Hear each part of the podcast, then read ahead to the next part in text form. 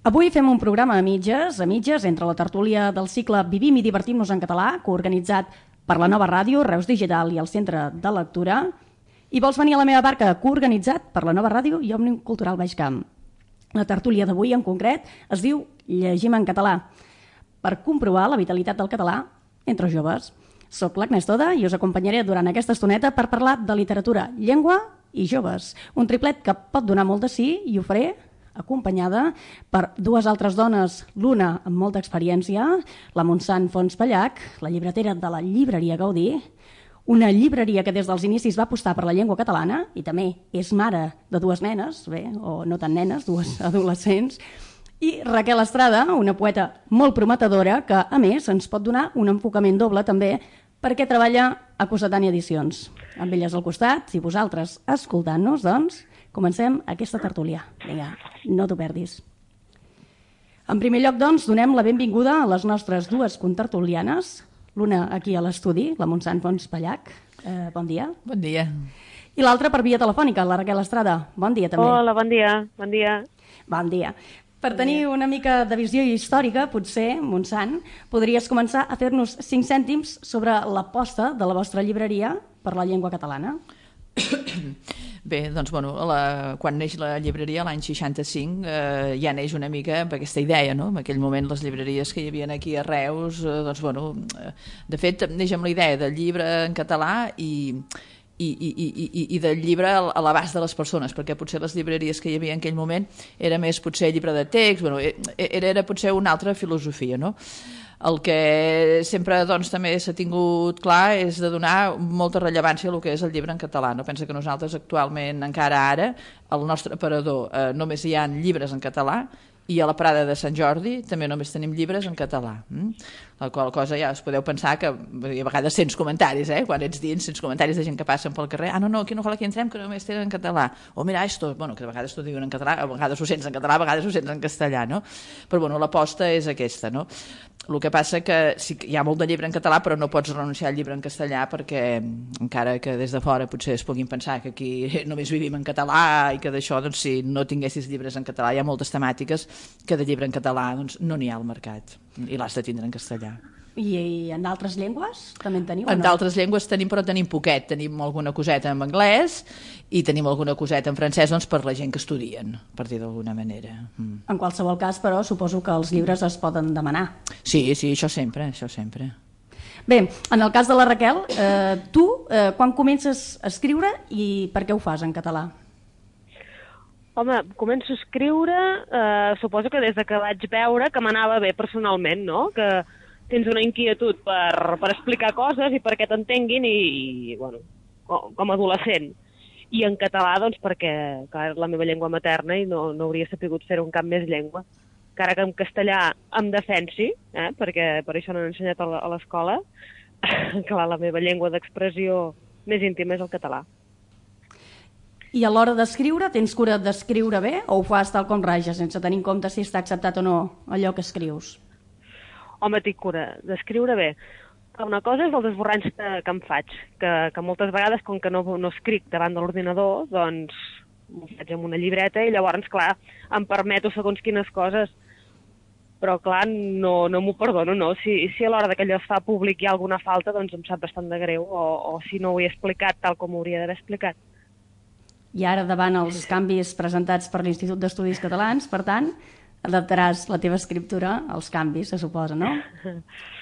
Ostres, clar, home, suposo que sí. Jo no sóc filòloga i, i crec que el seu criteri, dels que han decidit, és el bo. No, no sé qui per dir, no, mira, jo no ho faré perquè a mi em sembla que això no, que aquests diacrítics que, que, han, que han suprimit no estan bé de suprimir-los. No ho sé, miraré a veure què passa, miraré a veure què passa també al meu entorn, però en principi m'adaptaré sí. I Montsant, eh, tu això, eh, com creus que s'ha d'enfocar o com creus que s'enfocarà eh, des del món literari, no? que representen aquests canvis.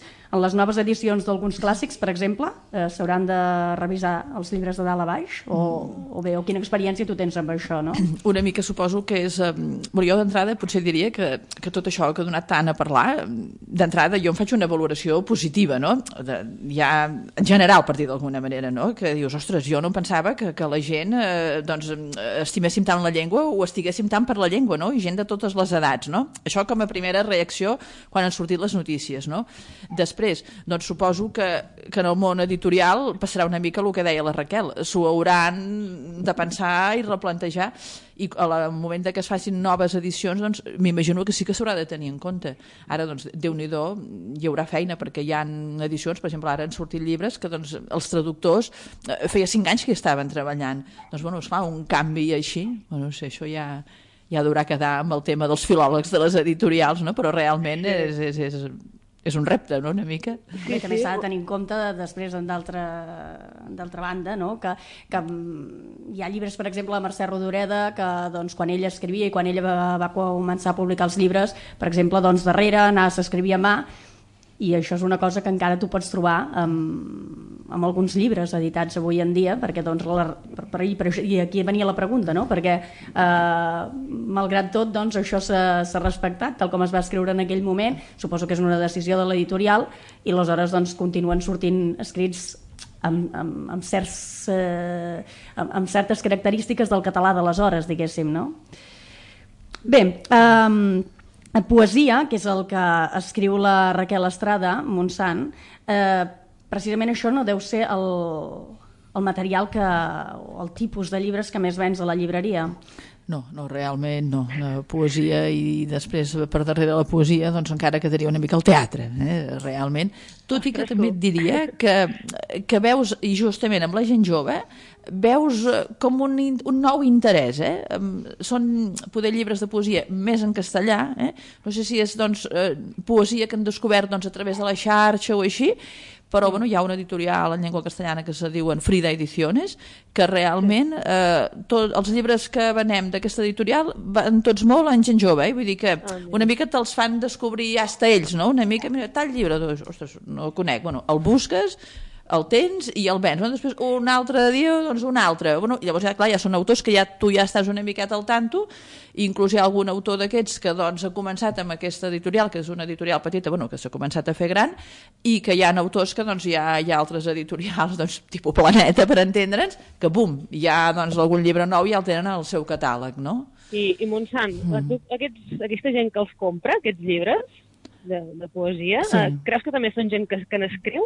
O perquè quin tipus de, de gent són? Mm. Que jo també tinc curiositat. Clar, són, a veure, que n'escriguin, ostres, mira, potser en sec puc fer, deixar caure alguna pregunta, no?, quan em vingui un client. No, clar, és però... difícil de dir. Sí, no, exacte, però que sí que a vegades et sobta una mica, eh?, perquè són, sí, sí, gent molt jove, que, vull dir, d'entrada no pensaries que et venen a buscar un llibre de poesia, no? La veritat és aquesta, no? I sí, sí, i, i veus que, bueno, que són com uns canals, que a mi particularment ja se m'escapen una mica, no?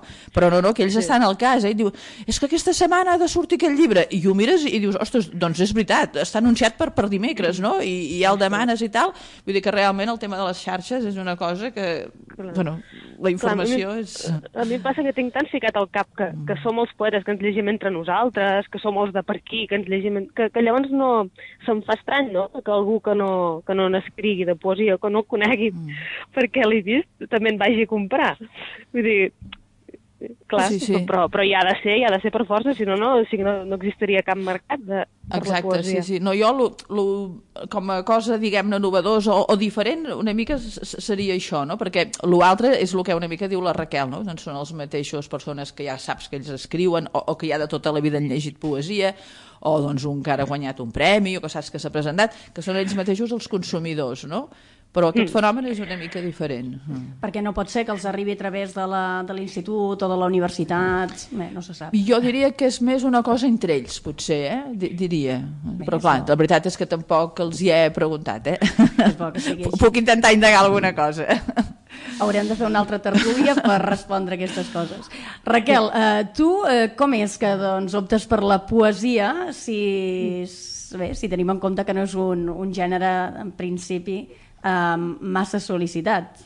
Sí, bueno, perquè hi va haver un moment que la vaig descobrir, no perquè, no perquè a casa llegís poesia ni llegís massa cosa, altres coses sí que es feien, però llegir poesia no.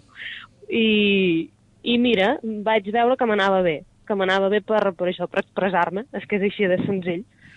I llavors ho vas provant, et vas presentant a concursos per allò de que a vegades necessites que et diguin si ho has fet bé, si no ho has fet bé. I mira, a partir de que m'anava sortint bé la cosa, doncs n'he anat fent. N'he anat fent. Però sempre motivada per això, de que, de que em va bé per expressar-me, no perquè cregui que he d'explicar coses que no ha explicat ningú, ni que, ni, ni, ni, ni que tingui més transcendència que això. I eh, a l'hora de a l'hora de llegir, o sigui, ja ens has dit que, bé, que els poetes llegiu poesia, però mm. poesia realment és el que llegeixes més o, o també hi ha d'altres gèneres que llegeixis i fins i tot algun gènere llegeixes més que no pas poesia? Sí, crec que poesia és el que llegeixo més. Sí, novel·la també, novel·la també, Home, el que tinc una mica pendent és llegir, ampliar una mica horitzons, perquè potser em quedo molt amb, amb autors d'aquí, amb gent que m'han recomanat, amb també llibres de l'editorial, clar, de Cossetània, perquè és el que em toca una mica, i d'Angle Editorial, som del mateix grup, però, però sí, és això que llegeixo més. I llavors, pel que dius, eh, entenc que normalment llegeixes en català. Sí, sí. En en altres àmbits, la llengua, la llengua d'ús, eh, Montsant, eh, la teva llengua d'ús també és el, el català, o sigui, em refereixo a àmbits com el teatral, el musical... Eh, sí, sí, bàsicament, bàsicament sí. I les teves dues filles, que són, com deia abans, mm. Eh, creus que elles també el que consumeixen majoritàriament és en català?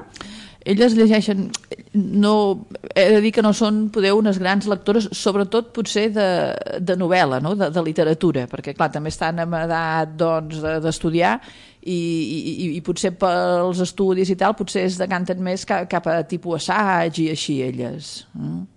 Però quan han llegit novel·les doncs, eh, fa uns anys doncs, més d'aquestes d'adolescents i tot això bàsicament ho llegien en català. A no ser que hi hagués alguna saga d'aquestes que, que, que, doncs, allò que, que tocava, que es llegia en aquell moment, que només hi fos en castellà, però la majoria, com que també les tradueixen en català, elles acostumen a llegir més en català. I fora de l'àmbit de, de la lectura, mm, també normalment el que consumeixen, això que deia, no? com l'àmbit teatral, el musical així, és en català o no? Home, jo dic, el teatral sí, perquè a veure, normalment el que veus de teatre per aquí és en català. A nivell musical, em penso que sí que una bona part és en català, però doncs, bueno, si hi ha un grup que els agrada que canta en castellà o que canta en anglès, doncs també se l'escolten. I tu, Raquel, anant més enllà del, del que és l'escriptura, eh, també normalment eh, el que consumeixes és en català o no? Sí, sí no, tot i que la, la poca televisió que miro, no per decisió meva, s'ha de dir la veritat, no és només en català. Però, però sí, sí, ja t'ho he dit, quan llegeixo, quan consult, faig cerques a internet, quan... Sí, és en català. Potser eh, per això, no? per aquesta tendència de, de, de buscar una mica el que, el que em queda més a prop. I això, eh, Raquel, com dirien algunes persones, no és tancar-se en banda, no és gatitzar-se? El fet de normalment uh... consumir només català, català? Ara faig d'advocat uh... del diable, eh? sí, home, és que està bé de plantejar-s'ho això, perquè, uh, clar, a vegades no és només que tinguis un prejudici en una llengua, és que, que si no intentes una mica veure què fan a fora, tampoc no pots jutjar-te, no?, el, el que fem aquí. Um, uh, sí, està bé. Però no només parlem del castellà, no? Suposo, també parlem no, de l'anglès. No. Si sabem una mica d'anglès, també podem consultar premsa en anglès. Evidentment. Sí, sí, sí, que estancar-se una miqueta. Va bé, que un dia diguis, va, avui consultaré tal diari, a veure si entenc alguna cosa.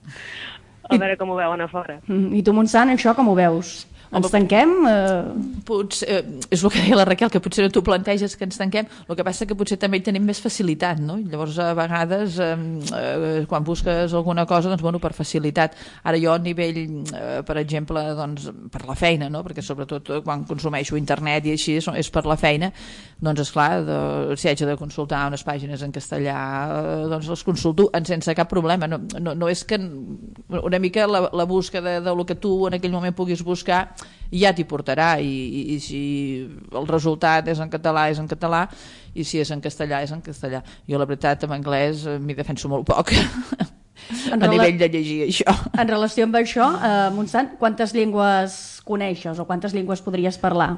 Jo podria parlar més o menys bé el català i el castellà, l'altre, a mi les llengües m'han costat sempre molt. I les teves filles? Les meves filles, eh, el tema aquest de l'obligatorietat de l'anglès eh, els hi ha costat sempre bastant, tot i que jo els hi, tot i que jo no el sé parlar, però veig que sí que elles i que el futur doncs, va una mica cap aquí, els hi ha costat... Una... Bueno, elles han fet anglès a l'escola, jo també n'havia fet, no? Però ara que ja són una mica més grans i ja doncs, la gran quasi que ja... Bueno, acabat l'universitat i així, ara sí que ella està veient que, que sí que ho necessita l'anglès i, i s'hi ha posat ara i la petita, com que per obligatorietat quan acabarà la carrera hi ha aquesta obligatorietat de que s'ha de conèixer la llengua, doncs també ho ha de fer sí o sí, si no, no li donaran el títol. I, I Raquel, en el teu cas, eh, quantes llengües podries parlar? Jo català i castellà. I anglès, ja et dic, si no el practico una mica més, parlat, també aniríem bastant malament, eh? Escrit i amb una mica de paciència encara puc anar eh, entenent alguna cosa. Però català i castellà també quedaria aquí. Bé, en el món de la globalització, apostar pel català és un error o al contrari és un element identificador positiu? Com ho interpretes, Montsant? Jo penso que és un element, eh, mm, això que sí, positiu. identificador positiu, jo penso que sí, a veure, és que és clar, si no també que hauríem, a veure, està bé la global... bueno, està bé i no està bé la globalització, és, és, és, és, és el que hi ha, també a vegades una miqueta trista la globalització, perquè només jo que sé, a nivell de comerç, eh, vas a una ciutat, bueno, vas a un Reus, vas a un Barcelona, eh, aniries poder a un París o a un Roma i allò que els aparadors de les botigues tots són iguals, vull dir que, que, que, que ja està bé que cadascú doncs, tinguem el nostre, no? jo, jo ho veig ric, no ho veig pobre. I tu, Raquel, eh, què en penses? de la globalització com ens pot afectar sí. i doncs d'aquesta aposta així pel català eh, com, a, com a aspecte positiu o negatiu? Mm-hmm. Com a aspecte positiu, home, els signes identitaris més encara que més si siguin més ultralocals, són positius, perquè tothom en té, no? Vull dir, a vegades com més ultralocal és més comú en, en tothom, perquè tothom té aquells signes distintius que, que, que li són propis i són diferents dels altres. Per tant, s'ha de saber fer, no? És una mica a vegades aquest joc entre jo sóc d'aquesta manera, però, però entenc que tu siguis de la teva. No? Que més bé et tractis, més bé pots tractar els altres. I en les llengües crec que, que també és així. En el món de la globalització també hi entra un altre element en joc eh, davant la voluntat de ser visible, d'existir, de, de, no? perquè a vegades eh, bé, això, de, de, de ser present a les xarxes, que si no doncs sembla que no, que, que no existeixis, que no siguis. Eh, el paper, en, en aquest àmbit, el paper eh, ha passat a ser un, un element d'una altra generació, eh, Montsant, creus? No, jo, jo crec que no. A veure, crec que eh, tothom consumeix, diguem a la xarxa, no? Tothom, majoritàriament, eh, consumeix la gent la xarxa, però no vol dir que el paper només sigui per la gent gran ni que la gent jove eh, vulgui, doncs, per exemple, a nivell doncs, el que nosaltres tractem, no? doncs, de llibres, que només vulguin doncs, el llibre electrònic. No, no és veritat. Eh? Vull dir, potser fa uns anys semblava que la tendència anava cap aquí però ara ja sembla que, que, que ja es comença a veure d'una altra manera. Eh? Hi ha molta gent jove que, que volen el paper, inclús doncs, hi ha moltíssima, ara hi ha cada vegada més gent que tenen les dues coses. I, i tu diu, bueno, sí, no, ja, no, sí, sí, sí, està molt bé el llibre electrònic doncs, jo sé, a vegades gent gran o gent amb problemes de vista, no, sí, ens podem fer la lletra grossa sí, no pesa, portes damunt però esclar, el paper és el paper, clar que els que t'ho diuen són els que estan a favor del paper perquè potser els que només llegeixen o consumeixen electrònic és que esclar, ja no els veus, no? però clar, l'input que t'arriba és dels que sí que encara estimen i els hi agrada el paper. I a la llibreria hi entren persones de totes les edats Sí, sí, és clar. Sí, sí, per sort. uh, Evidentment aquí hi entren molts, molts elements en joc, com el fet de comprar llibres en paper, eh, però, bueno, però en línia. Uh, Raquel, tu com a escriptora, uh, que a més treballes en una editorial, què penses dels llibres digitals i de les compres de llibres per internet? Ho utilitzes? Uh, doncs no gaire ho utilitzo, no. Clar, com es diu, és que uh, les compres per internet i el llibre digital, el que, més que les compres per internet, el llibre digital, el problema que encara tenim és la pirateria. Llavors, clar, um, es fa una mica difícil que hi hagi un esclat de, i que, que si les editorials hi acabin d'apostar, per, per això em penso. No? Falta Va, aquesta... per, per saber com regular això, com evitar sí. això, no? El, el eh, sí. problema de la pirateria. Sí, i crec que, que el llibre en paper, bueno, de moment es mantindrà. És que, clar, té, té el seu públic molt, molt fixat. I veure, jo crec que fins i tot els joves que llegeixen aquests, aquests bestsellers eh, tan, tan llargs, no? aquests llibres tan voluminosos, també, també acaben comprant el llibre en paper, com els del Harry Potter i tot això. Em penso que es deu vendre en paper, no? Sí, sí, en paper es continua venent, el Harry Potter i bueno, això, tot aquest tipus de sagues i, i veus, a veure, és el que a vegades es diu, els joves llegeixen, no llegeixen, sí que n'hi ha molts que no llegeixen, però és que els que llegeixen, llegeixen molt, i ells els hi mm. agrada tenir els seus llibres a l'estanteria, i bueno, sí, mm. sí, una mica el culte al llibre hi és. Mm. Malgrat tot sí que hi ha un altre tipus de, de compra, que és això, és la compra per internet, entenc. El, des de la llibreria Gaudí ten, hi ha la possibilitat de fer compres per internet? Bueno, nosaltres ben bé, diguem, una pàgina doncs, de vendre no la tenim, però sí que ens arriben compra, perquè nosaltres doncs, tenim bueno, una miqueta de Facebook, que doncs, setmanes el cuides més, setmanes el cuides menys, va com va, i el que també tenim és un blog doncs, que també hi anem doncs, penjant articles amb comentaris i això, no? Llavors, doncs, eh, bueno, la gent, sigui com sigui, et descobreixen, o un li diu a l'altre, el que sigui, i llavors t'arriben, eren no moltes, però t'arriben comandes. Però Vull llavors, que, sí, sí, nosaltres... vosaltres, però el, el servei de després de, de, representa que hi ha les compres en línia, que és que tu ho envies per missatger, això seria possible? Sí, sí, sí, això, això passa, això passa cada dia.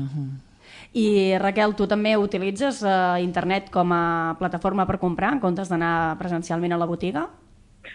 Doncs ara he començat a fer alguna compra per internet, de segons quines coses. Sí, llibres Mm, no ho he fet masses vegades, però, però altres coses ara sí les estic començant a comprar perquè, mira, és més pràctic. Bé, d'altra banda, seguint en aquest àmbit, també hi ha les xarxes socials, eh, que aquí, eh, bé, la Montsant ja explicava doncs, que, que, que, que ells tenen presència. Eh, aquí s'entén que també tot és en català, no? Sí, sí, bueno, a veure, majoritàriament també, perquè, doncs, a veure, si, clar, allà al Facebook el que fem eh, és donar, doncs, bueno, petites pinzellades, no? Mira, tenim aquest llibre, o no sé què, són, són, són petites pinzellades. Quan fem un comentari més, o, una miqueta més complet és quan ho pengem al blog, no? A veure si ens arriba una cosa que, que doncs, nosaltres creiem que és interessant, doncs també ho posem en castellà, el que majoritàriament eh, ho posem en català, i si un llibre és en català i en castellà no hi ha dubte de que ho posem en català. I Raquel, tu també ets present a les eh, xarxes socials, eh, sempre sí. t'adreces en català? Sí, sí. Jo personalment sí. L'editorial, home, clar, que el que tenim formem part d'un grup editorial que també tenim un segell en castellà, llavors, clar, està ben diferenciada una pàgina que és de Cossetània en català i una pàgina que és de Lectio, eh, que publiquem llibres en castellà i per tant la pàgina és en castellà, que va dirigida bueno, al públic castellano parlant també de, de fora de Catalunya, vaja. Jo et comentaria una cosa aquí, que hi ha vegades, eh, hi ha una cosa que a mi personalment me sap com a greu, no? Perquè a vegades ho veus a la premsa, no? Quan, doncs jo què sé, surt de qualsevol llibre, no? Que hi ha l'edició en català i l'edició en castellà. Clar, sí. un per de formació professional s'hi fixa, no? I, I, ostres, me sap molt de greu que moltíssimes vegades, no sempre, eh, però moltíssimes vegades es fa el comentari, pum, i llavors te fan la, re, la ressenya del llibre en castellà. Dius, refonedo, en català també hi és aquell llibre, no? O dones sí. les dues ressenyes o, o, o no ho sé, no? Periodistes d'aquí, bueno, no, no de Reus, eh? vull dir, de, de l'àmbit català, amb els diaris de catalans o amb, la, amb els mitjans, la, la tele i la ràdio catalana, que te dius, home, tu, si no hi fos en català, d'acord, doncs digues només amb tal editorial que és en castellà, però si també hi és en català, potser aquest Sí. petit esforç, no? Però potser l'editorial, eh, o sigui, els ha enviat el llibre en castellà només i, la, i és el que ells, amb ells es basen, no sé, eh? és, és per Eh, eh, Això sí. no, po- pot ser, però a vegades és la mateixa editorial que el treu en català i castellà. Ah, I a vegades em trobo, em trobo de mitjans eh, que publiquen en català, que em deman... com que han vist primer el llibre en castellà, pel que sigui, me'l demanen en castellà. Llavors els aviso, ei, el tenim en català també. La majoria de vegades em diuen, ah, doncs sí, millor, digue'm en català. Però hi ha vegades que, bueno, que els hi és igual, absolutament. Bé, um, el, bé, aleshores aquí eh, entenc que també eh, escriviu en català, evidentment, amb espais eh, com... O, eh, plataformes com el WhatsApp, eh, però el WhatsApp sí que és especialment diguéssim, s'entén aquí especialment si escriu malament en català, no? Escrivim tal, tal com raja, potser, utilitzant només una K a l'hora d'escriure, a l'hora d'expressar de, de, de, un K. Uh, com ho feu vosaltres? Com escriviu el, el WhatsApp? Sí. Eh, Jo diria que d'entrada més o menys ho intentes escriure bé, però entre que a vegades ni t'hi has fixat i on havies de posar una U poses una no sé què, i vull dir que queda realment com Clar. queda, eh? que inclús a vegades tu has de tornar a llegir abans d'enviar-lo perquè dius, oi, si no s'entén massa el que he escrit, no? Ara, doncs sí, potser no és el lloc on es té més cura del llenguatge. I tu, Raquel? Sí, sí. Clar, com que suposo que el principal és que, com que intentes escriure ràpid, o, o ho fas de qualsevol manera anant pel carrer, doncs a vegades no pots tenir aquesta cura, però en general, escriguis en català, escriguis en castellà o, o com sigui. No? I, Perquè jo... Eh... però tot així intento, intento fer-ho bé, eh? Mm. Quan, sobretot quan tinc una mica de temps. Mm. Jo concretament en les persones que sé que no saben català, o sigui, sempre normalment jo utilitzo el català, però a les persones que, no sé, que sé que no saben català, que, que no l'han estudiat, però que el parlen, Sí. com per exemple el meu pare, aleshores aquí sí que hi escric totalment correctament amb tots els accents i tal, no? perquè, perquè, bé, perquè li arribi el català que llegeixi sigui un català correcte. Però doncs en d'altres casos sí que és tal com raja, eh, anant-me ràpid. I... sí, passa això. Mhm. Sí, ma ma mare, per exemple, que fins ara no s'atrevia a escriure'm per WhatsApp, o sigui, li anava enviant coses i no sabia si ho havia rebut perquè no em deia res. I, i ara que s'hi ha atrevit a escriure, va tenir molta cura a que li poséssim el corrector automàtic per, per no veure que ho feia tan malament. Jo li vaig dient que sí que ho, ho fas molt bé, ho fas molt bé, i cada cop s'atreveix a escriure més. M'agrada que, que sigui així. Bé, doncs penso que podem deixar la tertúlia d'avui aquí eh, i en trauria dues idees. Una que, que potser ens tanquem a l'hora d'utilitzar el català i de llegir el català i que ens catitzem una miqueta, eh, però bé, però és que en el fons és eh, la nostra llengua, és eh, l'àmbit en què nosaltres ens expressem i, i ens sentim més còmodes i que per tant doncs, és normal que, que ho fem així, que no es fa pas amb una voluntat de tancar-se, sinó amb, amb la voluntat que qualsevol persona eh, que parli qualsevol llengua doncs ho faria amb la seva llengua. No? Exacte. Exacte. I després una altra qüestió, que és que en relació amb la globalització, precisament eh, ens hem de valorar més nosaltres i, i que per tant doncs, eh, té més sentit eh, que precisament utilitzem el català i fem servir el català per tot i amb tot, perquè si no aquesta globalització potser ens acaba menjant. Uh, bé, això serien, no sé si esteu d'acord, però doncs així com dos Sí, aspectes sí. que potser podríem concloure de la tertúlia. Jo penso que ho hem de continuar expressant-nos i fent en català, perquè a veure, i sense... No, no, no, no, no sé si la paraula és sense vergonya, però vull veure, amb llibertat, vull dir, a veure, és la nostra llengua i, i és que potser si en... ves que no caiguéssim a l'altre costat, no? Si al final, oh, bé, no, no sé, vull dir, perquè el que hem d'intentar és fer la llengua forta i necessària per, per tot, per viure per tot, en tots Sí. els àmbits. Sí, Jo sobretot... crec que, Digues, digues, Raquel. Això dir que, que la millor manera de respectar amb algú que, que ens diu calla, que és que, bueno, estic aprenent català, encara no entenc massa cosa, i és parlant-li eh, en català, no? I és la, la millor manera de mostrar-li que el respectem, que, que, que sabem que ell té una altra llengua, però que, però que és com tothom, no? I que, i que l'aprendrà. I tant. Vaja, que, que, ja, que ja aprendrà català, a poc a poc. Sí, que no hem de demanar pas perdó per, per existir, per tenir una llengua diferent i que, evidentment, doncs, l'hem de poder utilitzar i l'hem d'intentar extendre tant com sigui possible, precisament perquè és la nostra, perquè es l'estimem i, i perquè la volem globalitzar nosaltres, no? I tant que sí. I abans d'acomiadar el programa, eh, que diguin adeu les nostres contertulianes, que, amb les quals hem pogut fer eh, el programa d'avui. Adéu. I bones festes. Això, bones festes i bones lectures. Això. Moltes gràcies a vosaltres. Adéu. Adéu, adéu. Fins aquí la tertúlia Llegim en català del cicle Vivim i divertim-nos en català, coorganitzat per la nova ràdio, Reus Digital i el Centre de Lectura.